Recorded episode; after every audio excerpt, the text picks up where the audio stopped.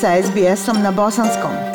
Pronađite još sjajnih priča na sbs.com.au kosacrta bosnijan. Početkom sedmice zatekla nas je vijest da je dobitnik Nobelove nagrade za mir i borac protiv apartheida nadbiskup emeritus u Južnoafričkoj republici Desmond Tutu umro u 90. godini. Iz cijelog svijeta počeli su stizati počasti omiljenom nadbiskupu koji je nazvan moralnim kompasom Južne Afrike. Prilog Esama Al-Galiba. Oh, we, we lift our hands, we raise our hands, we raise our hands and we say, we will be free! All of us! Black and white together! For we are marching to freedom. Dižemo ruke i kažemo, bit ćemo slobodni. Svi mi, crno-bijeli zajedno, jer marširamo ka slobodi. To je bio nadbiskup Desmond Tutu u Sovetu 1983. godine dobitnik Nobelove nagrade za mir i veteran južnoafričke borbe protiv vladavine bijele manjine, preminuo je prošle nedjelje. Južnoafrički predsjednik Cyril Ramaphosa objavio je vijest o smrti nadbiskupa Tutua. Archbishop Desmond Tutu was one of our nation's finest patriots. He was a man of unwavering courage, of principled conviction, and whose life was spent in the service of others. Nadbiskup Desmond Tutu bio je jedan od najboljih patriota naše nacije. Bio je čovjek nepokolebljive hrabrosti, principijelnog uvjerenja i svoj život je proveo u službi drugih. On je na mnogo načina oličavao suštinu naše ljudskosti. Saznanje da je već neko vrijeme bio bolestan čini vrlo malo da umanji udarac koji je zadat Južnoj Africi ovog veoma tužnog dana. Predsjednik Ramaphosa je opisao nadbiskupa Tutoa kao čovjeka od vjere koji je kroz svoj život izražavao biblijsko učenje. He was a man of faith who throughout his life gave expression to the biblical teaching that without actions Bio je čovjek od vjere koji je kroz svoj život izražavao biblijsko učenje da je bez dijela vjera mrtva. Za Desmonda Mpilo Tutua nije bilo dovoljno da propovijeda mir. Morao je da se pridruži narodu ove zemlje i zaista ljudima svih zemalja u neumornom i marljivom radu na postizanju mira. Predsjednik Ramaphosa je rekao da će Južna Afrika obilježiti period žalosti sa spuštenim zastavama u čast nadbiskupa uz planiranu državnu sahranu. Njegovi prijatelji i rođaci okupili su se u nedjelju u njegovom domu u Cape Townu. Mamfela Ramfele, vršilac dužnosti predsjedavajućeg nadbiskupskog fonda Desmond Tutu i koordinator ureda nadbiskupa, Rekla je da se porodica Tutu odmara i da se pomirila sa njegovim odlaskom. Family is doing well because this has been a long journey and we have all been praying Porodica je dobro jer ovo je bio dug put i svi smo se molili da ga njegov tvorac uzme jer nam je dao 90 godina svog života i na kraju je bio veoma slab i mi kao porodica zaista smo se pomirili sa činjenicom da ga trebamo pustiti. Ne možemo očekivati da će čovjek koji je dao toliko svog života zauvijek biti tu.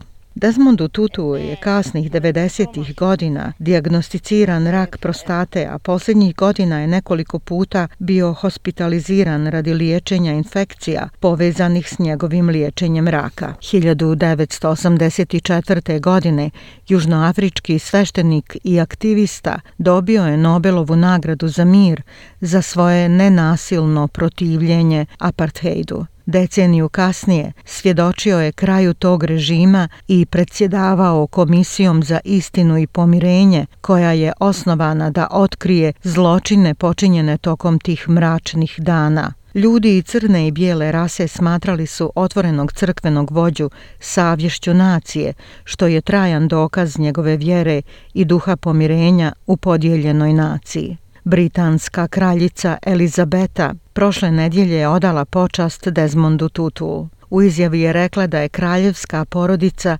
duboko ožalošćena smrću dobitnika Nobelove nagrade za mir. Kraljica ga je opisala kao čovjeka koji se neumorno zalaže za ljudska prava u Južnoj Africi i širom svijeta.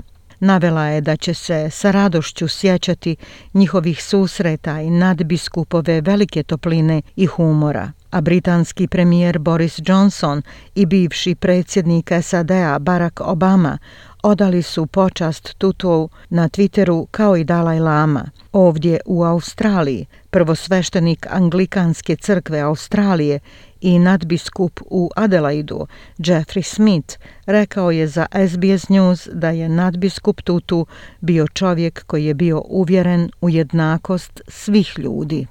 Desmond Tutu was, was first and foremost a disciple of Jesus Christ, uh, absolutely a passionate disciple of Jesus. Uh, Desmond Tutu je prije svega bio učenik Isusa Krista. Apsolutno strastveni Isusov učenik koji je bio nevjerovatno predan uh, molitvi i razmišljanju o svetim pismima i te stvari su zaista oblikovale njegov život. One su bile temelj za sve što je radio. Dakle, on je bio strastven čovjek, strastveni kršćanin koji je bio potpuno uvjeren u jednakost svih ljudi. Nadbiskup Smith kaže da je Tutu i primjer, ali i izazov. I think he will he will be long remembered and his influence hopefully will continue and certainly for leaders. Mislim da će ga ljudi dugo pamtiti i da će se njegov uh, uticaj, nadamo se, nastaviti, a svakako ostati uzor za vođe.